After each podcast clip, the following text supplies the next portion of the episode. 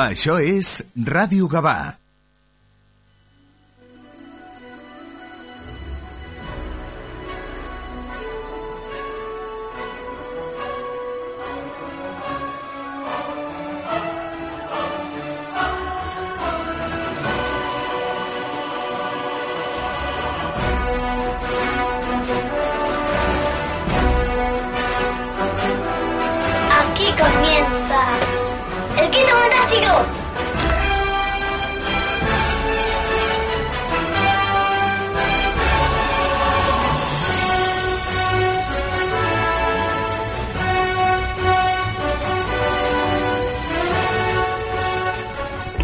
8 de la mañana y 24 minutos. Muy buenos días y bienvenidos a una nueva edición del Quinto Fantástico, episodio 14 de la novena temporada.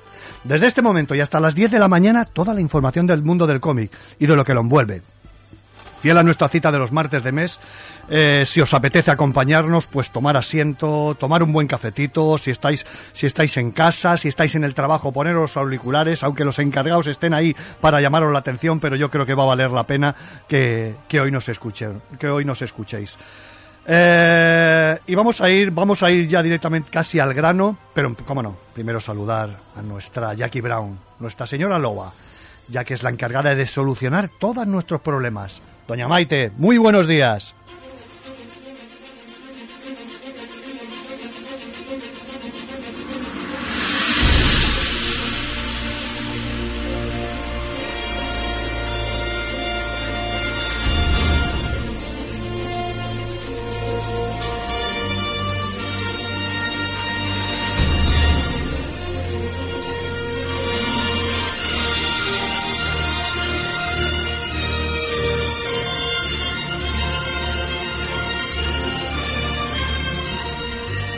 Hoy tenemos un programa especial, con mucho cariño, ya que abarca tres virtudes de lo que son, tres pilares de lo que son prácticamente este programa. Es decir, cómic, la primera, cine y música. De cómo un fandom llega, llega a lo más alto del cine. Un genio para mí y para muchos. Eh, vamos, a, vamos a desgranar. Vamos a desgranar este cómic de, que nos hablará sobre todo eh, de la figura de Quentin Tarantino, de sus inicios, de su trayectoria, de cómo gesta sus películas. Eh, y no, no, no voy a, no voy a estar solo, voy a estar con alguien que de pequeñito su madre para dormir le, da- le ponía Kill Bill. Y su padre, para que estuviera un poquito entretenida, le, le daba la espada de Harry Hanso. Doña Miriam Quesada, muy buenos días y bienvenida al quinto fantástico de Radio Gabá. Hola, gracias por invitarme. ¿Qué tal? ¿Cómo estamos? Muy bien, con ganas de empezar. Ah. A ver, a Taria- ver. Como, como te he presentado antes, tarantiniana por defecto. ¿no? yo creo que... Yo Una creo- buena presentación. Ahí estamos, ahí estamos. Oye, y sobre todo, bueno, que ya hace tiempo que, que no es tu primera vez que estás aquí en Radio Gaba, que estuviste, eh, estuvimos haciendo con la Karma aquellas Ladies Night que salió tan Sí, sí. precioso. Un saludo aquí a la Karma, que seguro que nos estará escuchando. Y salió también. Bueno, oye, ¿qué tal? ¿Cómo, cómo, cómo te empieza a intrigar el trabajo de, de Quentin Tarantino? Pues casi de casualidad al, ver su primera peli y ya me, me enganchó la música, todo. Y ya empecé ahí a ver sus pelis y un poco más a... Entre los, los carteles, eh, la música, eh, el montaje, la historia y todo, me, me enganché enseguida. Hay que decir que Miriam ha estado, mm, bueno, mm, yo vi el libro y dije, cuando eh, la primera persona que me que me acordé cuando terminé, siempre digo que es un libro, pero no, no es un libro, es un cómic, es un cómic de 240 páginas. Eh, y siempre y la siguiente cuando acabé de leerlo digo digo esta, esto tiene que ir para Miriam porque es una auténtica gozada es una auténtica gozada tenerlo. Fíjate que, que con una con una portada mm, con una portada eh, con Jack Kirby con el vestíbulo de Gotanga Tokio, con el eslogan de uno de nuestros mutantes favoritos, como es James Horlet, Parche, Logan, Logan Sun, ni más ni menos que Lobezno. Fijaros, eh, te adentras ya, abres las primeras páginas y ves, soy el mejor en lo que hago, pero lo que hago mejor no sé, no, mejor que no sea muy amable. Eh, muy setentero también, con un LP de gris ahí en, en, el, eh, en la portada. Como ya digo, 240 páginas de un cómic que, que nos hará descubrir sobre todo a un chaval autodidacta apasionado por el cine que se convirtió eh, que se bueno se convirtió no que se ha convertido en uno de los mayores directores que que, que tenemos vaya. Eh, el libro lo ha escrito Amasin Amesian.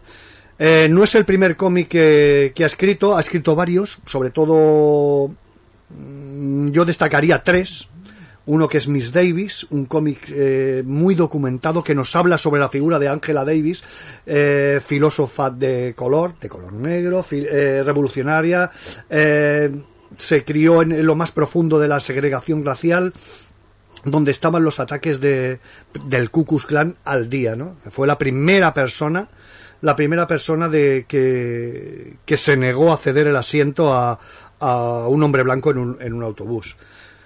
Eh, también ha hecho uno que es Mohamed Ali, basado en la historia del icono mundial, como no, Mohamed Ali, ¿no? De Casus Clay, ¿no? De cómo llega, de cómo se transforma eh, en una leyenda del deporte, de cómo se metamorfoseó de su nombre a, de su nombre de Casus Clay al de Mohamed Ali, ¿no? Todo un auténtico, todo un auténtico icono de, de la cultura mundial, tanto en deporte como, como a nivel personal, a nivel de valores. Después también tiene el de Cuatro Manos, una historia de agentes secretos de la CIA, eh, eh, que, se tras, que se traslada a Nicaragua en tiempo de, los, de la contra, de los revolucionarios. También está, también tiene hecho uno que se llama Big Black, eh, que nos habla del famoso motín de la prisión ática hace muy poco se cumplieron los 50, el 50 aniversario de, uno de los motines más sangrientos de, de la de, de, lo que sería eh, la década de, de, los 80 y de los 90 ¿no? y que conmocionó a todo el mundo.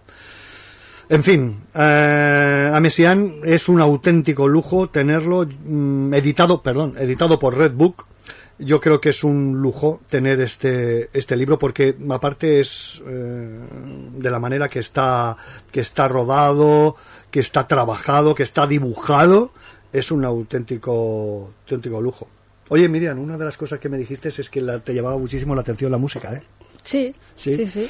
Las band la, la banda sonora de cada película sí. te voy a poner una que esta, seguro que, bueno, la, tienes muy fresca porque esta, esta ha salido en Érase una vez en Hollywood y que, bueno, que mm, hizo, eh, cogió un grupo de los 60 como eran los bravos, de los 60 nuestro, de nuestra, de la movida Yeye, que se llamaba en aquel entonces, y lo puso en una de sus películas, en Érase una vez en Hollywood.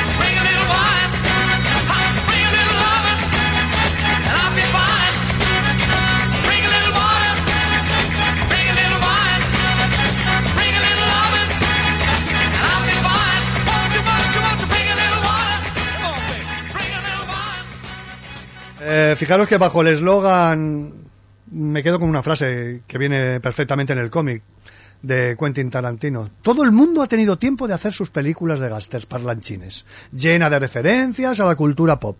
Y al cabo de 20 años, yo soy el boss en este tipo de películas. Tipo que te irías prácticamente a, a tomar ce- cervezas siempre con él. Figura, no sé si sabías tú la historia de, de su madre, ¿no? De, de Connie. ¿Te ¿Habías conocido algo No, no de...? lo sé. Pues mira, pues... A ver, me va genial. pues mira, resulta que su madre es una persona de carácter fuerte. eh, aparece sobre todo en muchas películas eh, reflejadas en Pulp Fiction. Bueno, yo para mí en donde más se refleja es en Jackie Brown, ¿no? Como como la prota, una mujer fuerte. Eh, fíjate, fíjate qué mezcla tenía la, la madre de Tarantino. Connie es medio irlandesa, medio cherokee. Eh, y lo tuvo con 16 años, ya que quería, lo tenía muy claro y quería marcharse de su casa y se quedó embarazada. Eh, y la ley de aquel estado daba cobijo en calidad de madre a, la mujer que se quedaba embarazada, daba, bueno, daba la igual la edad que tenía, ¿no? Tendría que tener una edad un poquito, bueno, aquí lo, tuvo con 16 años, ¿no? Y, lo cría ella prácticamente sola de su padre, Tony Tarantino, que se ve que era un cara dura, un vivales, y al poco de tiempo lo echó de casa, vaya. Eh, con cuatro añitos, ni más ni menos que como nosotros, como nosotros os poníamos a, a vosotras, hay que decir que Miriam es joven, os poníamos, eh, poníamos el canal Disney, Sirenitas, no, Quentin Tarantino no. Quentin Tarantino le ponían Grupo Salvaje de Sam Peckinpah. ¿La has visto el western este? No, no lo he visto. Pues hay que verlo. Estás en pecado mortal. Hay un Ernest Borgnine realmente espectacular. Y otra, una serie muy mítica, que era, que era Los Límites de la Realidad. Creo, eh, en- en- la dieron en TV3, aquí la pusieron como Twilight Zone, bueno, que explicaba casos paranormales y cositas de estas, ¿no? Y cómo no, como habíamos comentado, los cómics ha tenido ha tenido mm, la mejor influencia. Eh, su personaje eh, pilló la época dorada mm, en los 70 de Lucky Guys, Power Man y Iron Fist, Puño de Hierro. Los héroes de alquiler por excelencia. Te sitúo un poco. Los héroes de alquiler tenían ahí eh, una oficina donde la gente con problemas del Bronx pues iba para allá a que no, iba a los Vengadores ni a la Patrulla X ni a los Cuatro Fantásticos. Iba a estos dos tipos que eran héroes de barrio. Oye, tengo este problema que mi casero de mi casa me está cobrando de más en el alquiler. Y allí se presentaba Lucky Cash, Powerman y Puño de Hierro para solucionarle, para arreglarle el alquiler de, de ellos, ¿no? Eh, Lucky Kais mm, iba acompañado de una de las chicas más mortíferas, de Misty Knight. Eh, para, los que no la conozcáis a Misty Knight es como una Pan Grier, la prota de Jackie Brown.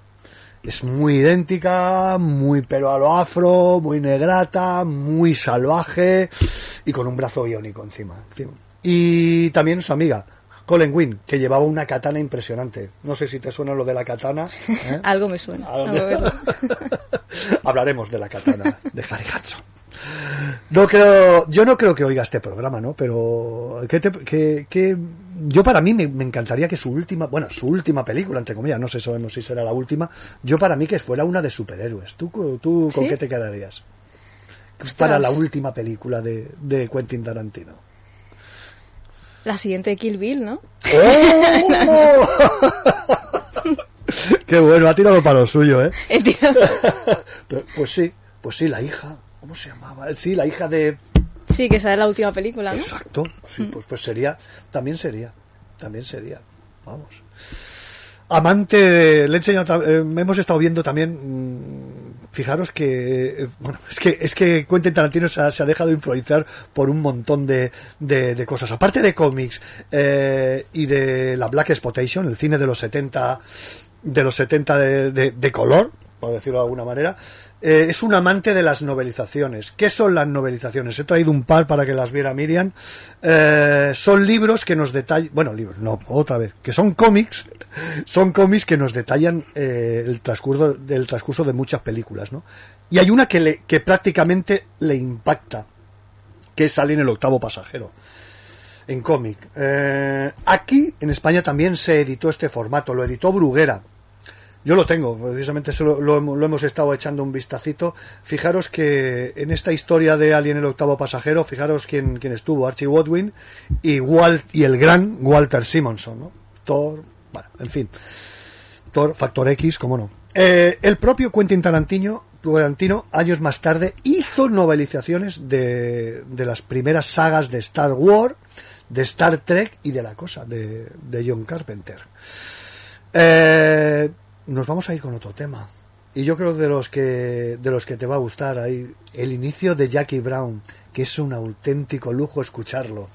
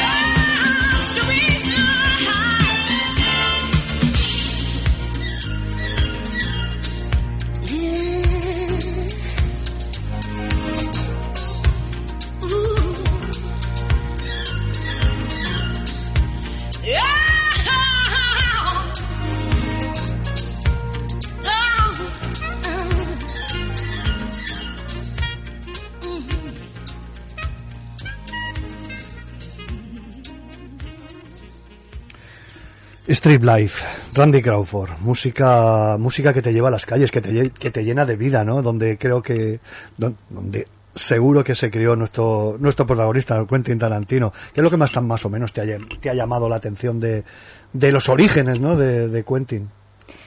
Pues sobre todo que estuvo trabajando en un, en un cine vendiendo entradas. O sea que el cine le gustaba, eso estaba claro. Eso estaba claro. Y después trabajó en un, en un videoclub. Y, y lo más curioso es cuando cerró, ¿no? Eh, compró todas las, las películas para, para tenerlas en casa. Eso es lo que más me ha llamado la atención, que, que el tío encima pues se hizo cargo, eh, ahí ya demuestra todo lo amante que era de, del cine. Y fíjate también que resulta que otra de las cosas también que me ha llamado la atención, que le encantaba las, la, le encantaba leer, leer- leer- le encanta leer libros y que casi uno le lleva a la cárcel, ¿no? Que, y es por leer a, a Leon, Leonard, el Mor Leonard, perdón, es un escritor de western y bueno, se ve que para hacerse con él, pues entró, quería hacérselo, se lo llevó, lo pillaron y bueno, que se ve que casi estuvo, estuvo, estuvo en la cárcel, bueno, no llegó, no llegó a entrar en la cárcel porque lo sacó tanto su madre como, como su padre adoptivo, Curtis, y, pero que le, le costó un disgusto, vaya. Eh, eh, también hay que decir que, que él se, bebe de la- las fuentes de, de aparte de los cómics de, de Power Man y tal, también hay eh, cómics que le, influyen mucho, como es el de Silver Surf, Estela Plateada, que se, se, se dirijo aquí. Un amigo suyo, Roger, como hace muy bien hincapié en, eh, en el cómic, hace una, una adaptación de las aventuras de, de Estela Plateada. Pero, ¿qué pasa? Que no tiene los derechos, ¿no? Y bueno, la cosa queda ahí en, en un en un cajón, no sé dónde estará ese guion. Antes estábamos hablando de, de qué podía ser de qué podía ser la próxima película de Quentin Tarantino. También me quedo con una de Estela Plateada también ahí. Eh, hay que decir que de dónde viene que él tiene dos, do- dos objetivos principales que son terminar eh, la novela de, de su amigo, de su amigo de Roger, que es Amor a quemarropa, que después dirigirá el gran Tony Scott, eh, y terminar el guion de Asesinos Natos. esta después fue dirigida por Oliver Stone, protagonizada por Woody Harrelson, Juliette Lewis, Tommy Lee Jones. Bueno, es una auténtica. Aquí, yo aquí recomiendo esta. eh, si, la- si se puede ver, creo que están filming Asesinos Natos. Porque aquí es donde comienza un poco todo. Aquí es donde te empiezas a ver a los ladrones de diamantes de Reservoir Dogs y después también ves a los, a los dos asesinos de, de Pulp Fiction, ¿no? A Travolta y a... Ay, no me sale el nombre. Eh, Samuel. Samuel L. Jackson.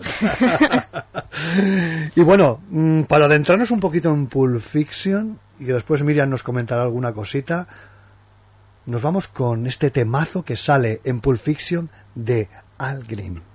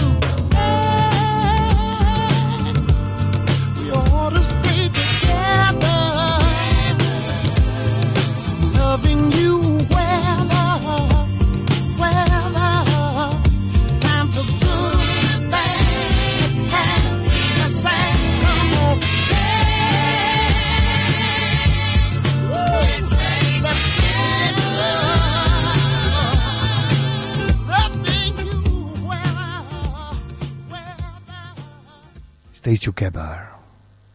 Al Green. Genial. Eh, bueno, oye, que nos llega otra de sus influencias, ¿no? No podía ser otra, el gran maestro, Jean-Luc Godard. Eh, fue un artículo sobre la película de, Go- de Godard, Van a Par, realizado por Pauline eh, Kiel. Fijaros lo que decía. Es como si Godard, ese loco de la Nouvelle Baguette, acabara de adoptar una novela policíaca banal, pero solo hubiese conservado la poesía entre líneas. Más tarde, el propio Godard pondría, pondría a caer de un burro a Tarantino. Pero esto ya a Quentin le daba, le daba igual. La semilla estaba plantada y si su ídolo o su director fetiche le, lo ponía a caer de un bullo, burro, le daba, le daba igual. Hay que decir que reco- rec- eh, recogió dinero para, sobre todo, como os he comentado, para, para los guiones de Amor a que la ropa, Tony Scott lo lee, el de Asesinos Natos, pero como bien comenta Miriam, eh, hay un ingreso extra que Miriam no lo, no- lo ha visto y se ha quedado ahí un poquito parada, ¿no? Sí, sí, algo que na- nadie se espera, ¿no? Y es que, bueno, hizo un cameo en, en Las Chicas de Oro, Tarantino, Ojo. Y bueno, yo al menos Sí, no, me lo esperaba. No, no, a ver, yo si te soy sincero, a raíz de, de- de- del cómic, eh, lo he visto y dices, ostras, está ahí Tarantino. Está ahí Tarantino, dices, ¿qué pasa? ¿Qué, qué es esto?". Oye, fíjate, bueno, como hemos comentado antes, Amor a quemarropa y Asesinos Natos, ¿no? Eh, pero la confluencia final es Reservoir Dogs. ¿Qué te pareció a ti Reservoir Dogs? A mí me encantó. ¿Sí? Sí, sí, sí, chulísima. Keitel. Esa- eh, bueno, si hay algo que es una entrada que es una entrada triunfal es cuando entran ellos todos, señor, lo- bueno, todos eh, vestidos de negro y bajo esa música con el cigarrillo en mano, caminando. Yo creo que esa, eh, si hay unas escenas que quedarán en los anales de la historia del cine es esa. Sí, sí. A plan- a- Además, o sea, los planos largos que tiene, ¿no? Como los va enfocando uno a uno, ¿no? Sin, sin corte, está muy chulo. Eh, es, es una auténtica es una auténtica salvajada salvajada Eh, nos vamos ahí con el siguiente tema y como no podía ser otro es de reservas de reserva 2 no a ver qué tal K Billy's Super Sounds of the 70s weekend just keeps on coming with this little ditty that reached up to 21 in May of 1970. The George Baker selection, Little Green Bag.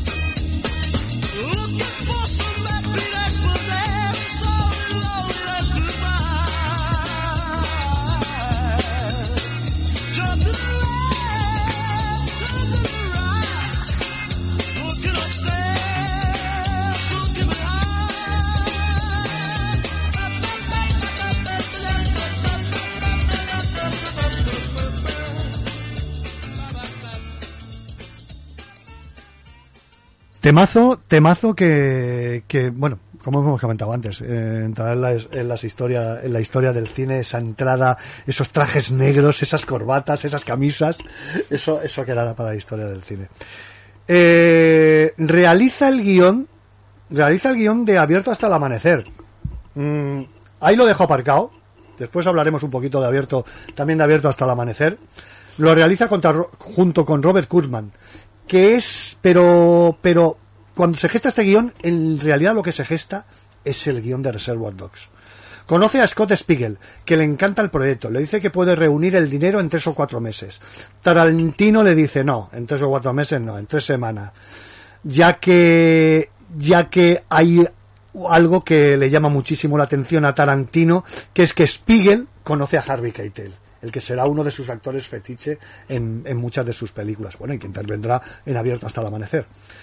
Y lo quiere para la película. Quiere a Harvey Keitel para la película, para, para Reservoir 2 deciros que tres semanas más tarde está comiendo en un dinner con Harvey Keitel. Tarantino alucina que está que está comiendo allí con él. El, calti- el casting es de Traca Laure- eh, Joe Cabot, en el papel de Joe Cabot, Chris Penn, el hermano de Sean Penn, eh, Sneak el hijo de, de, de uno de, de- de uno de los mafiosos. Eh, también está allí, bueno, como no, Tim Roth, el señor naranja. Señor blanco, Harvey Keitel. El señor rosa, Steve Buscemi. Señor rubio, Michael Manson. Eh, el señor marrón, Quentin Tarantino. Y el señor azul, Edward Bunker, ¿no? Esta eh, precisamente los que lo habíamos estado yo, que creo que Miriam, ¿verdad que no has visto Pelhan 1, 2, 3? La original.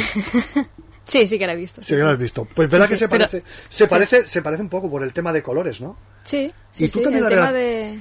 Y una cosa que no ¿De había caído, una cosa que no había caído, las relaciones con una serie española. Sí, bueno, la casa de papel también, ¿no? Hace a cada uno de ellos les pone también un nombre. O sea que... Es muy Yo creo que ahí la referencia está. Yo creo que es muy talantiniana. La Sí, casa sí. de papel es muy talantiniana. ¿no? Hay también una historia, ¿no? Que, que, que es Miramar quiere comprar los, de- los derechos de distribución, pero hay un problema.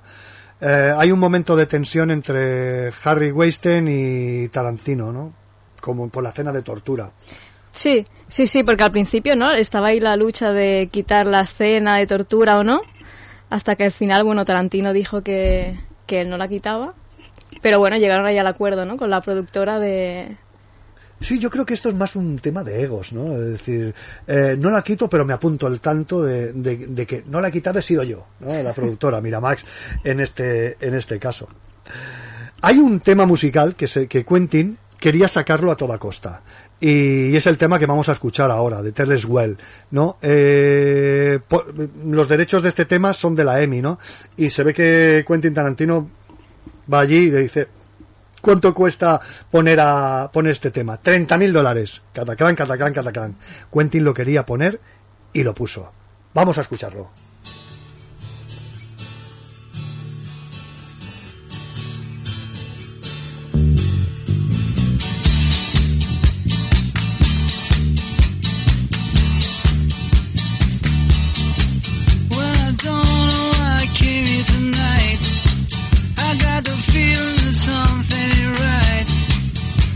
Scared in case I fall off my chair.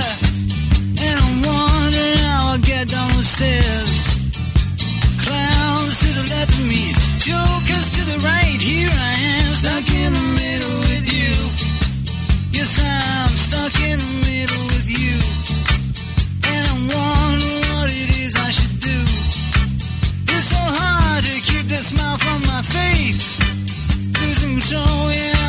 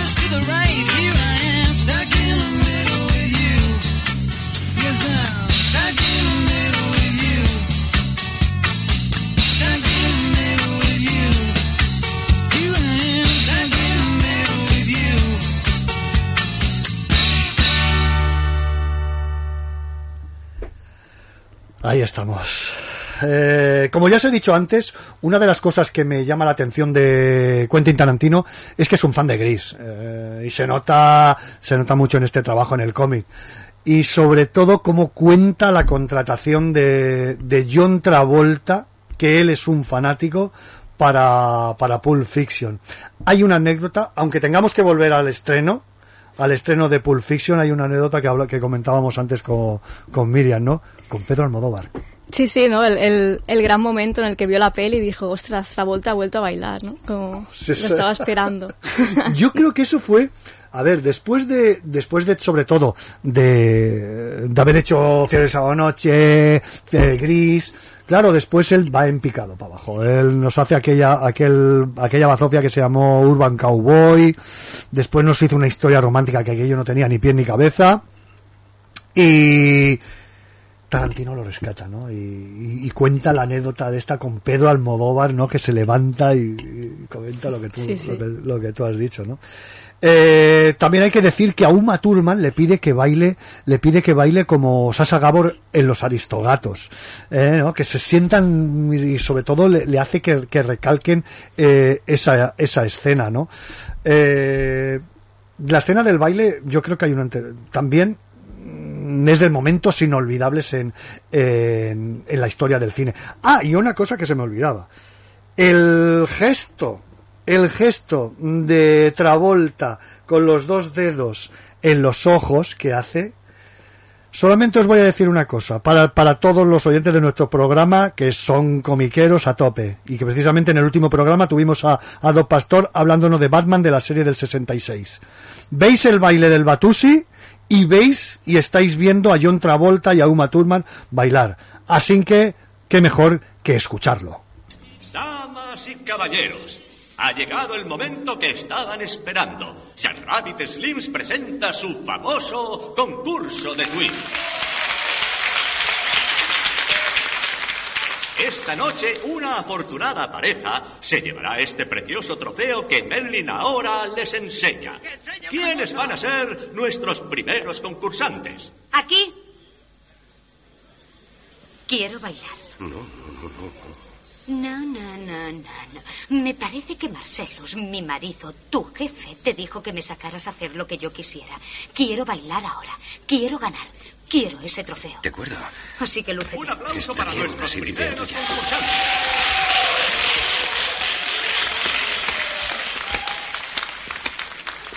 Conozcamos a nuestros primeros concursantes de la noche. Jovencita, ¿cómo se llama? Señora Mía Wallace. ¿Y cómo se llama su amigo? Vincent Vega. Bien, a ver lo que saben hacer. Vamos allá.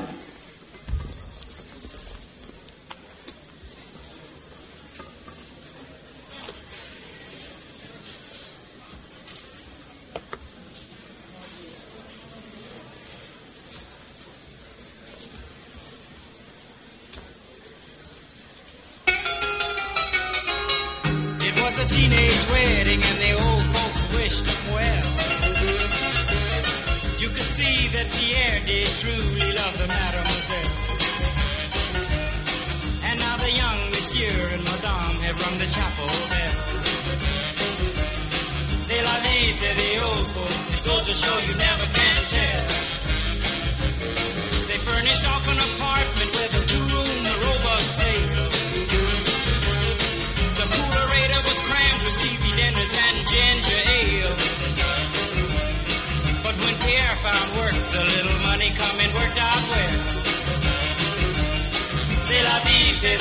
old folks. To show you never can tell. They had a hi-fi phone, oh boy, did they let it blast. 700 little records, all rock, rhythm, and jazz. But when the sun went down, the rapid tempo of the music fell. C'est la vie, say the old folks. Goes to show you never can tell.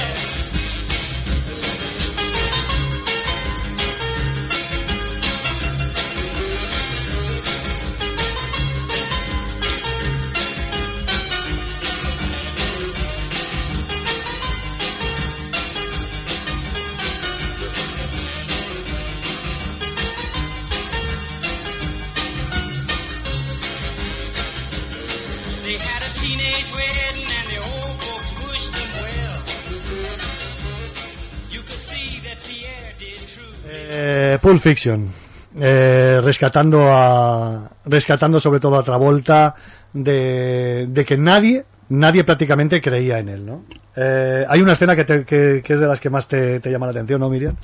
Sí, hay una escena em, cuando, bueno, la hamburguesa, ¿no? La que los dos entran en, en la habitación Sí. y toda la escena va eh, relacionada con una hamburguesa que en realidad es como la excusa, o sea, no tiene nada que ver con es una lucha total de egos absoluta de egos, ¿no? De esto es mío, ¿no? Que utilizan la hamburguesa, pero en realidad la hamburguesa es como lo que menos importa de todo.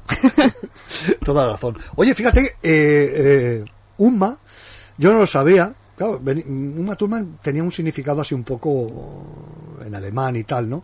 Pero se ve que su significado es, el significado de, de su nombre de Uma, diosa del esplendor y de la luz. No lo sabía. Una de las, yo para mí que es la mujer fetiche, la, la actriz fetiche, ¿no? De, de Quentin Tarantino. Sí, sí. Otro amigo, hay un amigo en común que sale, bueno, en común, mío no, ojalá. Eh, otro amigo que sale eh, en, el, en este cómic que es Robert Rodríguez. Mm, sabíamos que era amigo, pero bueno, consiguen muchísimas cosas juntos, ¿no?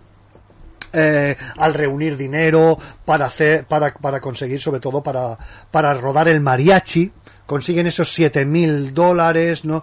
¿no? Como si- y cómo se hace con la chica, la chica 10 de- en los 90, la chica 10, por decirlo de alguna manera, la más erótica, era Salma Hayek. Salma Hayek era la chica. Y consigue, Robert Rodríguez consigue, eh, y lo narra muy bien en el libro, en el cómic, cómo, cómo consigue. Después en Desesperado enganchó a Robert. Eh, hay, hay un capítulo especial de cómo también se gesta, ¿no? Pero como todo, todo viene a parar a Abierto hasta el amanecer, donde el guion es de, de Tarantino y sale de actor, por supuesto, ¿no? El guion es de, de Traca, es un cóctel perfecto para todo fan todo fan de serie B. Aquí somos muy de serie B. Nada, no, no nos vamos a los grandes Go-Busters, ¿no? Desde el guion, los actores, pasando por el gran, el increíble Tom Savini, el mago de los efectos especiales, el padrino del gore. eh, son algunos de los nombres que, que, salen que salen en, en esta película, ¿no? Fijaros a Tom Savini le llamaban el Sex Machine. Era, es algo increíble. Después está Fred Williamson. Decir el nombre de Fred Williamson es decir una, es decir el nombre de una, de una estrella de la Black Exploitation, ¿no? De la década de los 70. Eh, Michael, Parks. Parks interviene en la famosa serie de Twin Peaks de los años 90. Eh, en la también lo rescata, lo rescata Quentin Tarantino para el Kill Bill volumen 1, para, para el volumen 1, ¿no? También lo rescatan para la trilogía de Tarantino y, y Tarantino Rodríguez integrada por Greenhouse, por Death Prof y por Planet Terror. Y rescatan a otro de, de, de mis ídolos setenteros. Eh, Operación Dragón, Operación Dragón, el protagonista es Bruce Lee, pero está ahí un Jock Sasson que hace de, de un agente secreto, bueno, John Saxon es increíble, ha hecho películas de western, pero bueno, ya lo que más me, me llamó fue fue su Operación Dragón. Dani Trejo, Dani- decir Dani Trejo es decir machete. Eh, el hombre con la cara marcata ha aparecido en numerosas películas de, de género policíaco como Hit, la de Al Pacino y Val Kilmer, Desperado, la de Robert Rodríguez, Con Air, la famosa co- con Nicolas Boy, perdona, Nico- Nicolas Cage, me confundo con los amigos de Frecuencia Global, de vez en cuando. Ha colaborado frecuentemente con... Que después se supo, después se sabe que son primos segundos, con Robert Rodríguez, al, trabajar y resulta, no, es que tú tienes... No, tu tía es esta. Ay, pues sí, no, mi tía también es. Y se enteran y lo cuentan muy, muy bien en el libro de cómo se, se conocen de que son primos segundos. Eh, y una de las a ver, ¿de dónde le viene todo este tema de, la mafia, de huidas, de persecuciones eh, policíacas? Le viene de, de Getaway.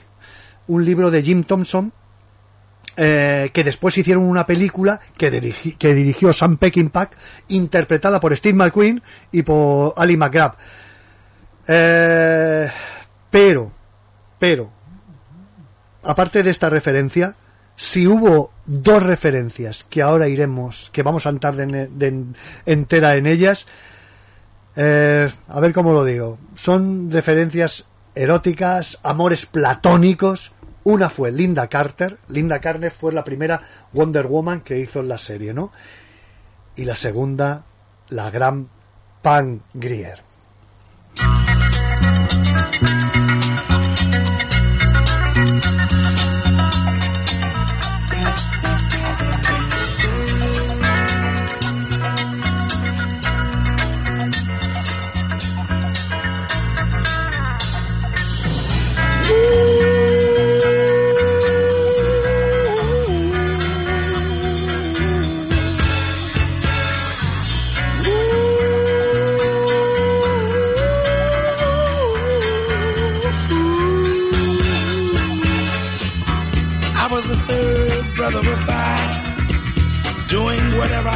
To do to survive.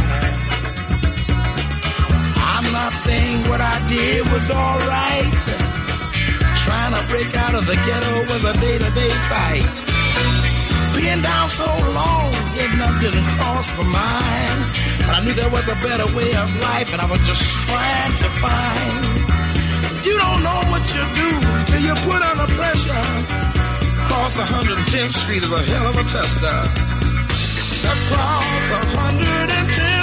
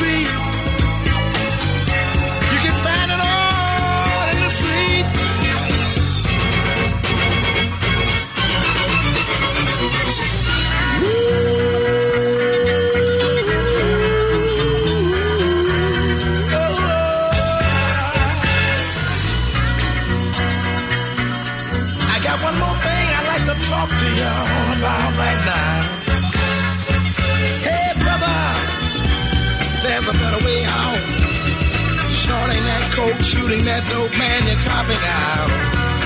Take my advice, it's either live or die.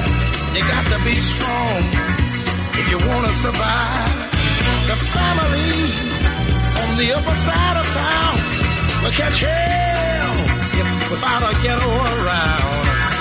In every city you'll find the same thing going down. Harlem is the capital of every ghetto town. Let me sing it.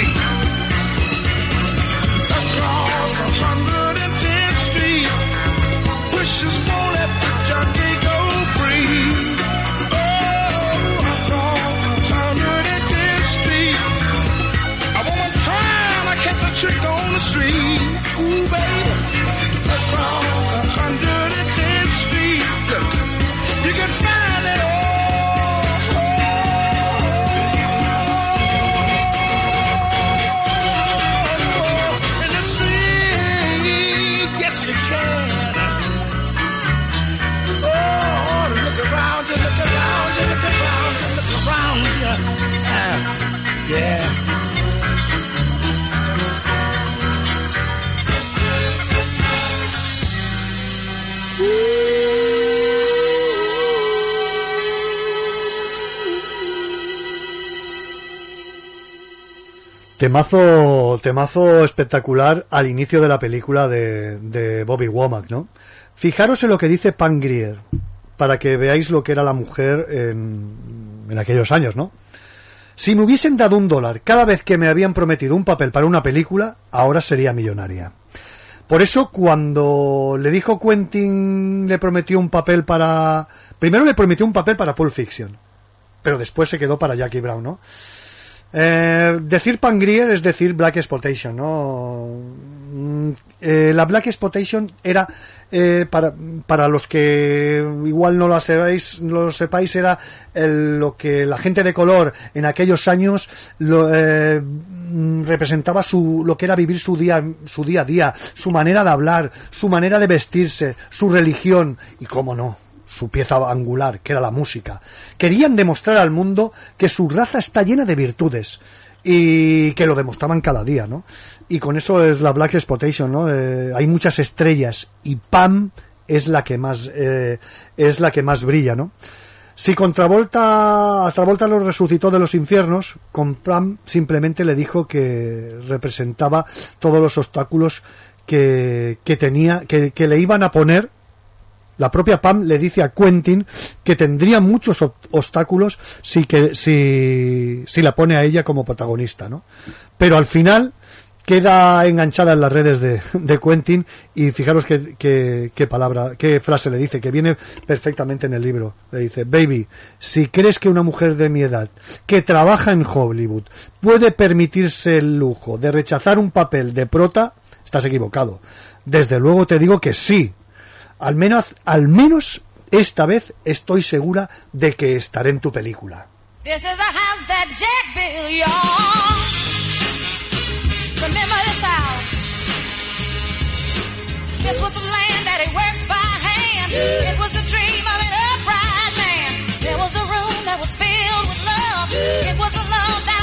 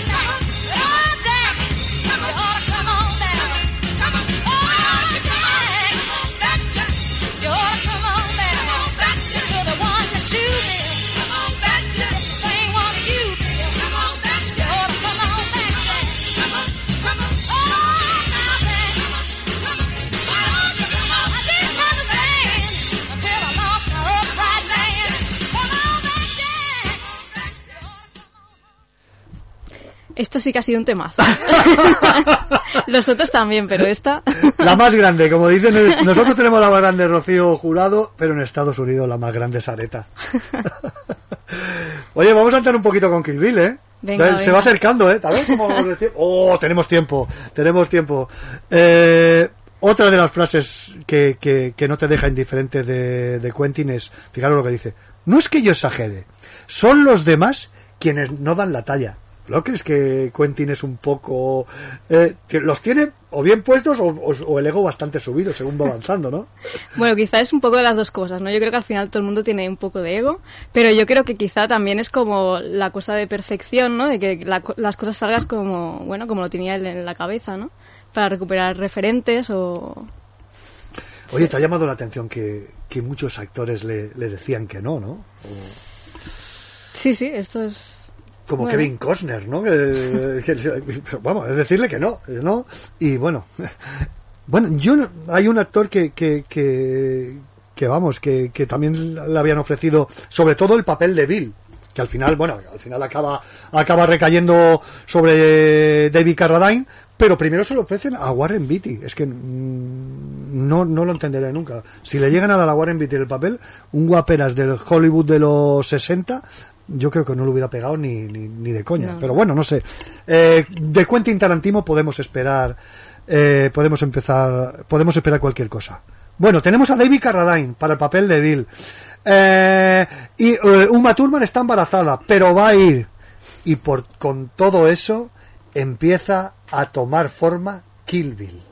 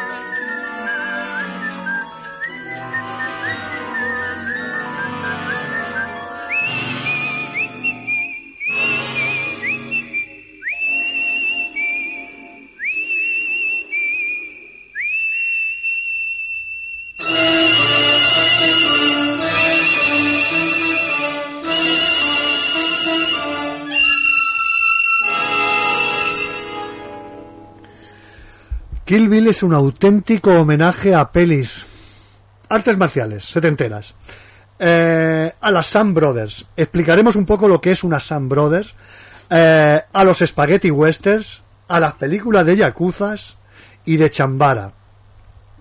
Chambara, yo no sabía exactamente muy bien lo que significaba, pero se ve que es una onomatopeya que el chambara son el sonido al chocar al chocar las espadas cuando despedazan la carne y es un y sale este término de, de chambara no Eh, y entonces es el co- es el nombre con que se conoce a las pelis de, de, de este de este género no Eh, vamos a escuchar la siguiente sintonía y ya nos metemos directamente en Kill Bill ¿Y a qué viene a Okinawa? ¿Mm? Vengo a ver a un hombre.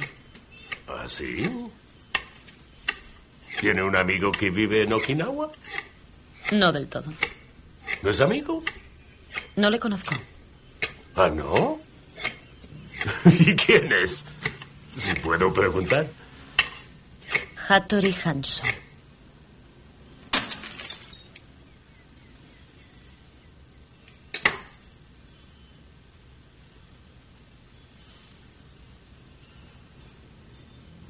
服部半蔵に一体何の用ですか日本刀が必要で一体日本刀を何に使うんですか切りたいネズミがいるから Deben de ser enormes ratas para precisar el acero de Hamzo. Enormes. Ay, como diría ya para acabar, acabar, acabar, hay un buen samurái. Eh, ¿cómo- bueno, yo no sé si has visto, ¿has visto por casualidad alguna película de Bruce Lee? Bueno, pero es más o menos. Es He que visto te- escenas, eso sí. Vale, pues He visto cosas. Mm, yo creo que transformar a Bruce Lee perdón, transformar a Uma Thurman en Bruce Lee, eh, uno de los ídolos de la infancia de Quentin, yo creo que fue lo hace a la perfección. ¿no? ¿Cómo, cómo- cómo ves tú la interpretación de Uma Thurman en, en Kill Bill? Hombre, yo creo que tiene como mucho empoderamiento, ¿no? O sea, como... Sí, sí, es un papelón.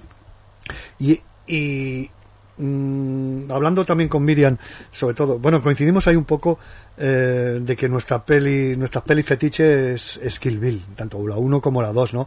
Porque mm, recupera y muy bien, muy bien, bien, bien espe- especificado en el, en el cómic que bueno que el, el reparto es, es un locurón se pone en contacto con uno de los ídolos de su niñez.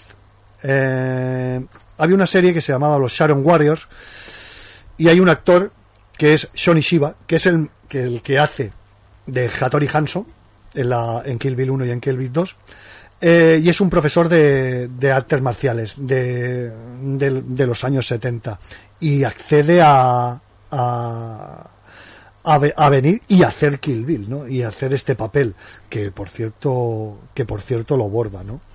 Eh, vamos a escuchar otro trocito.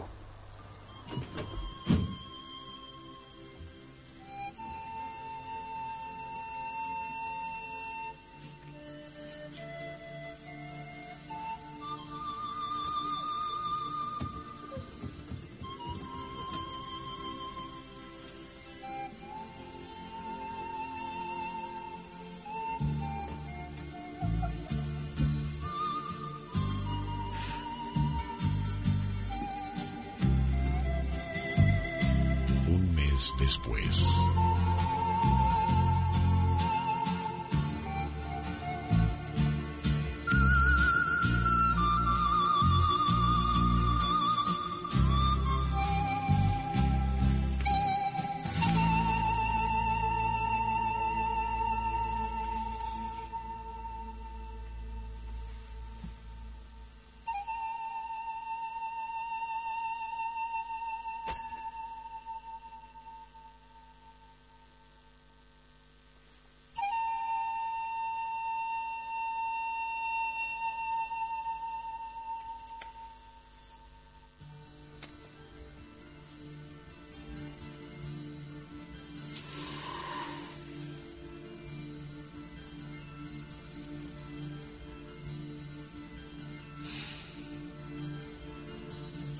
He terminado.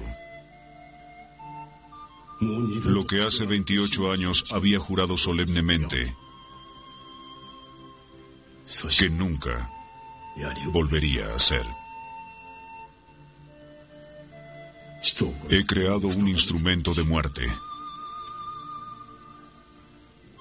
Y en ese propósito he tenido éxito. Lo hice porque filosóficamente apoyo su causa. Sin querer ser pretencioso, puedo decir sin temor a equivocarme que esta es mi mejor espada. Si el mismo Dios se atravesara en su camino, hasta él saldría lastimado.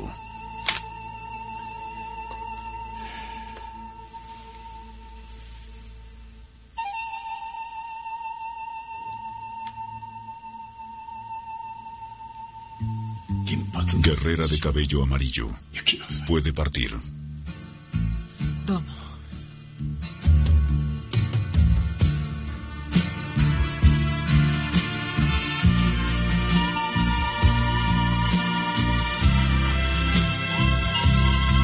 Capítulo 5 eh, lo comentaba ahora con, Miriam que este, esta parte final el ta na, na, es es sintonía de western, de que el bueno se va, abandona el pueblo, he matado al malo. y es esa sintonía de, lo- de Sí, los sí. westerns, de los spaghetti westerns de, de los años de los años 70, ¿no? Que es, que es totalmente una salvajada. Por eso creo que por eso creo que prácticamente tiene tiene tiene tanto tiene tiene tanto carisma eh, bueno a, las nuevas al- ta- también a las nuevas a las nuevas generaciones como como el ejemplo lo tenemos aquí no como como con Miriam como que a los a los más mayores pues nos hace nos hace revivir esos momentos tan mágicos de las pelis de, de, de los spaghetti western, de los westerns de los 70, de la black exploitation, de las artes marciales que, que había, que, que como muy bien, y me remito siempre, yo siempre me remito aquí a Gabá, al, cine Maragall, de que íbamos los, los sábados y los domingos por la tarde a ver, a ver todas, estas todas estas películas, vaya. Y me alegra mucho de que, de que sobre todo de que, de que, de que estés aquí, ¿no? De que, de que, de que, de que podamos unir esas, esas dos franjas de edad para, para poder hacerlo, ¿no? Hay una cosa que de Kill Bill. No podemos dejar pasar por alto a Gordon Liu, mítico actor chino afincado en, afincado en Estados Unidos. ¿Quién es Gordon Liu? Gordon Liu es este señor, lo, lo- tiene delante Miriam, es el señor de la barra, el, el que enseña todo a, a, a Uma Thurman. Eh, pero hay una anécdota, hay una anécdota muy curiosa de cómo se gesta el, el papel de este maestro, de este maestro de Pai Mei, que es el maestro de Uma Thurman en la, en la película, en Kill Bill. El actor es Gordon Liu. Eh, os pongo un poquito en, su, en sus antecedentes, ¿no? Luchó en multitud, que luchó en multitud de ocasiones contra este mismo personaje, contra Pai Mei, en las películas que él rodó en los 70, ¿no? Por si queréis buscarlas. Toma nota. los, Vengador- los Vengadores Shaolin. Las 36 cámaras de Shaolin. Las 36 cámaras de Shaolin es su obra maestra. Shaolin contra Ninja o los Shaolin Warriors, ¿no? Tarantino le da la oportunidad de convertirse en Pai Mei cuando él había luchado en estas películas contra Pai Mei, ¿no? Y le da la oportunidad de convertirse en este maestro de artes marciales que enseña a Uma Thurman. El personaje de Pai Mei es un personaje real. Está basado en un personaje real. Es un monje Shaolin, luchador increíble, que pensó en convertirse en maestro. Pero los sabios de los sabios de- del momento eligen a otro. Herido en, su, herido en su orgullo, Pai Mei se va a ver a los monjes de la dinastía Jin. ¿Qué hace? Les jura lealtad. Les jura lealtad porque a él lo harán maestro, ¿no? Su, ¿Cuál es su primera misión? Ir a destruir a los Shaolin. Y va y los masacra. Y se convierte en un personaje mítico, ¿no? Eh, no podemos olvidar tampoco a David Carradine, ¿no? David Carradine, os voy a poner un poquito en situación de los 70. Las eh, como hemos, como estamos comentando, las películas de artes marciales solo las podías ver en el cine. Pero de repente, en esta, bueno, las películas de artes marciales y algunos westerns de, de serie Z o por ahí, pues los veías en la tele. Pero los grandes westerns, como bueno, y el malo, nada más que los podías ver, bueno, el malo, El Dorado, la de, el Grupo Salvaje de Peckinpah, pues nada más que los podías ver en el cine. Pero ¿qué pasa? Que nos encontramos los más pequeñicos, los, bueno, los más pequeñicos, nos encontramos que tendríamos 10, 11 años, nos encontramos con un locurón, nos encontramos con la serie Kung Fu. No sé si tú has visto alguna de estas. ¿No? No la he visto. Es que tengo que hacer, tengo, tengo que hacer a los oyentes sobre todo eso, porque Kung Fu es una mezcla.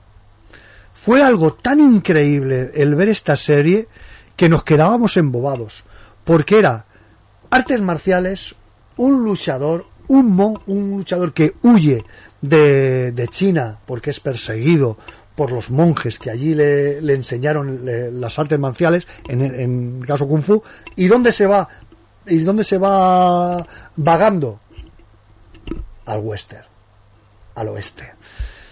Eh, fue algo tan increíble que nos quedamos bobados con palabras como el pequeño saltamontes, ¿no? como lo llamaba el maestro a, a David Carradine. ¿no?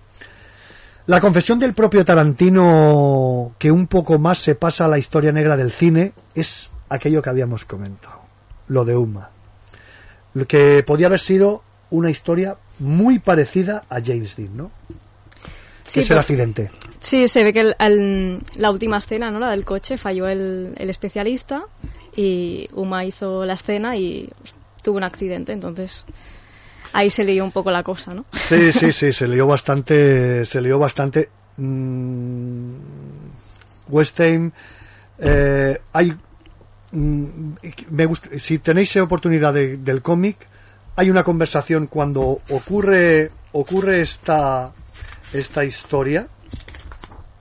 Cuando ocurre esta historia es que la estoy buscando, eh, porque creo que pasa aquí.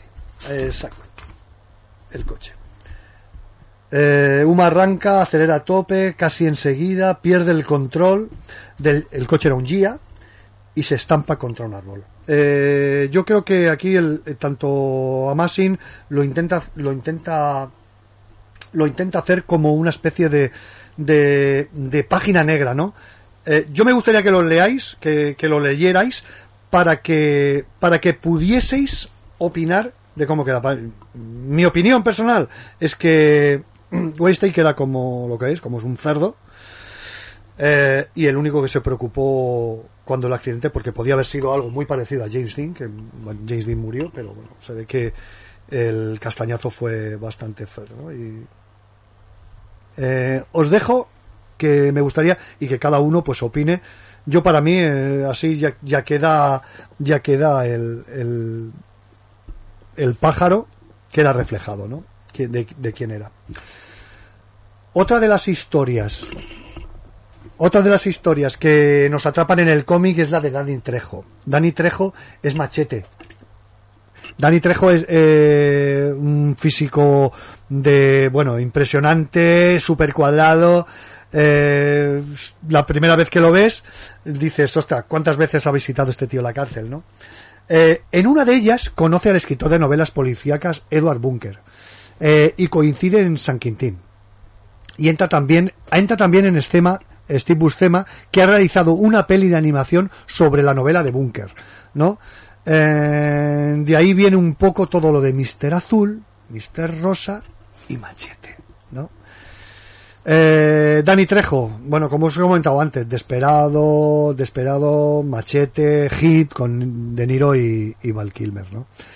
Eh, destacar dos referencias que hacen en el cómic que me encanta, porque yo creo que en este caso Ama- Amansin es muy agradecido, es muy agradecido y hace dos referencias a primero a Bruce Lee, que es una es algo mítico en, en él y otra al gran Kurt Russell y a, y como no a Sylvester Stallone. Kurt Russell, ¿has visto Golpe en la pequeña China? Asignatura pendiente, apúntatela. Tengo Ahí, deberes, ¿eh? Tienes, tienes deberes, Tengo. tienes, de- tienes deberes. Bueno, espero que espero que, que hayas disfrutado del programa. Bueno, Mucho. aparte de Kill Bill, que, que- con, qué, ¿con qué te quedarías? Y, y de la de Pulp Fiction, ¿te, que te quedarías con una escena de Eras una vez en América o... Perdón, Eras una vez en, En- Hollywood? ¿Alguna escena? Sí. Ostras, no lo sé. Ah, el final me dejó en shock, ¿no? Aparte la gente decía, todo era muy tranquilo, ¿no? Al principio. Sí, gente sí, que se quejó, ¿no? De, ostras, pero ¿cuándo viene el momento Tarantino? Sí, sí, eh, es que, mm, bueno, yo creo que también aparte es un especialista en cambiar finales. Fíjate, malditos bastardos. Hmm. No hemos hablado de malditos bastardos, sí que nos han quedado tantas cosas. te espero Otro próxima- día. Te espero, te espero, malditos bastardos nos queda. Pero, ¿cómo le cambia, cómo le da la vuelta a los finales, no? Eh, Sí, malditos bastardos, eh, bueno, se carga, no, bueno, no voy a, decir- no voy a decir ningún spoiler. Pero, pero sí que la historia de Jace Mason, ¿no? Sí, sí, sí. ¿Cómo le da la ¿Cómo le vuelta? da la vuelta? Hmm. Intentas, yo creo que, bueno, no sé si te dará esa impresión, yo creo que intenta salvar un poco a sus iconos, ¿no? Y en este, en este caso, pues, intenta salvar a, con ese final, intenta Sí, sí. salvarlo, ¿no? Eh, Viriane, oye, espero que hayas disfrutado de, de la estancia una vez más aquí en el Quinto Fantástico de- Mucho. De, de Radio Gracias por se, nos ha pasado, se nos ha pasado Volando, sí, mm, sí. volando. Bueno, yo te espero y yo espero que, que, que nos cuentes algún trabajo. Por cierto, tenemos trabajo, tenemos algún trabajo tuyo, cuéntanos. Dinos, dinos, dinos, dinos. Bueno, estoy escribiendo un largometraje y Mm. una serie. Y ahí estoy escribiendo a tope. Oh, oye, la primicia la tenemos que tener nosotros. Hombre, aquí. claro. Haremos un programa especial. Seguro. Yo no sé por qué me da, pero creo que tanto en el largometraje como en la como en, en la serie no falta la música. No, hombre, no. no puede faltar, no puede faltar. Oye, muchísimas gracias por haber estado aquí en A Radio ti. Gabá en el, en el quinto fantástico y haber disfrutado de, de este cómic que es un auténtico locurón de Amense Inamesiane. Eh, dibujo, historia, eh, lo explica el propio, es como si lo explicara el propio Tarantino, porque es que es una cuarta pared que, que están hablando, que estás, que estás hablando, que estás compartiendo, que te da a pensar en todos los hechos y en todos los hechos que ocurren en las películas, en cómo se rodean, en cómo consigue los- el dinero, en cómo recupera a esos personajes olvidados. Eh, así que yo creo. ¿Y qué manera? Oye, yo me, nos vamos a despedir, Maite. Nos vamos a despedir con la sintonía 7, que es la que la de Bobby and Womack, que es la que nos mata.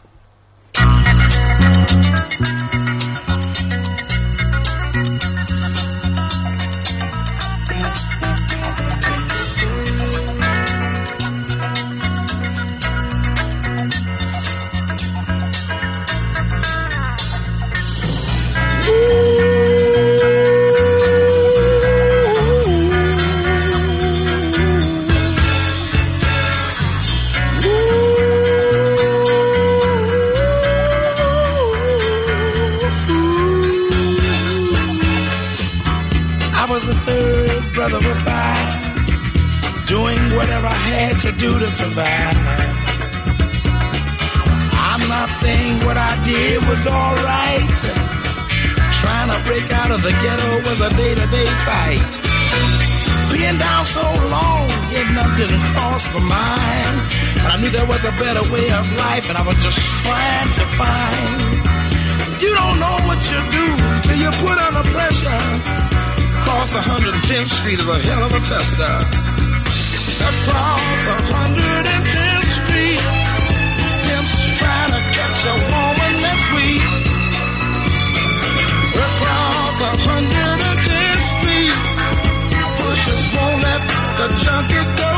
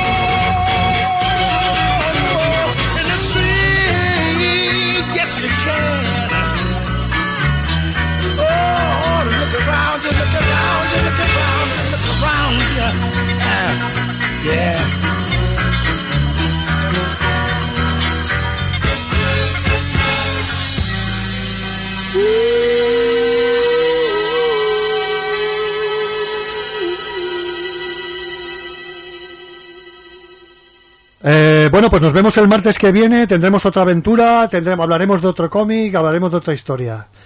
Eh, damas, caballeros, ¿queréis leer un cómic por la radio? Sí, aquí, en Radio Gaba, el quinto bastático. Muchas gracias y hasta la próxima. próximo programa, amiguitos. Y no olviden supervitaminarse y mineralizarse.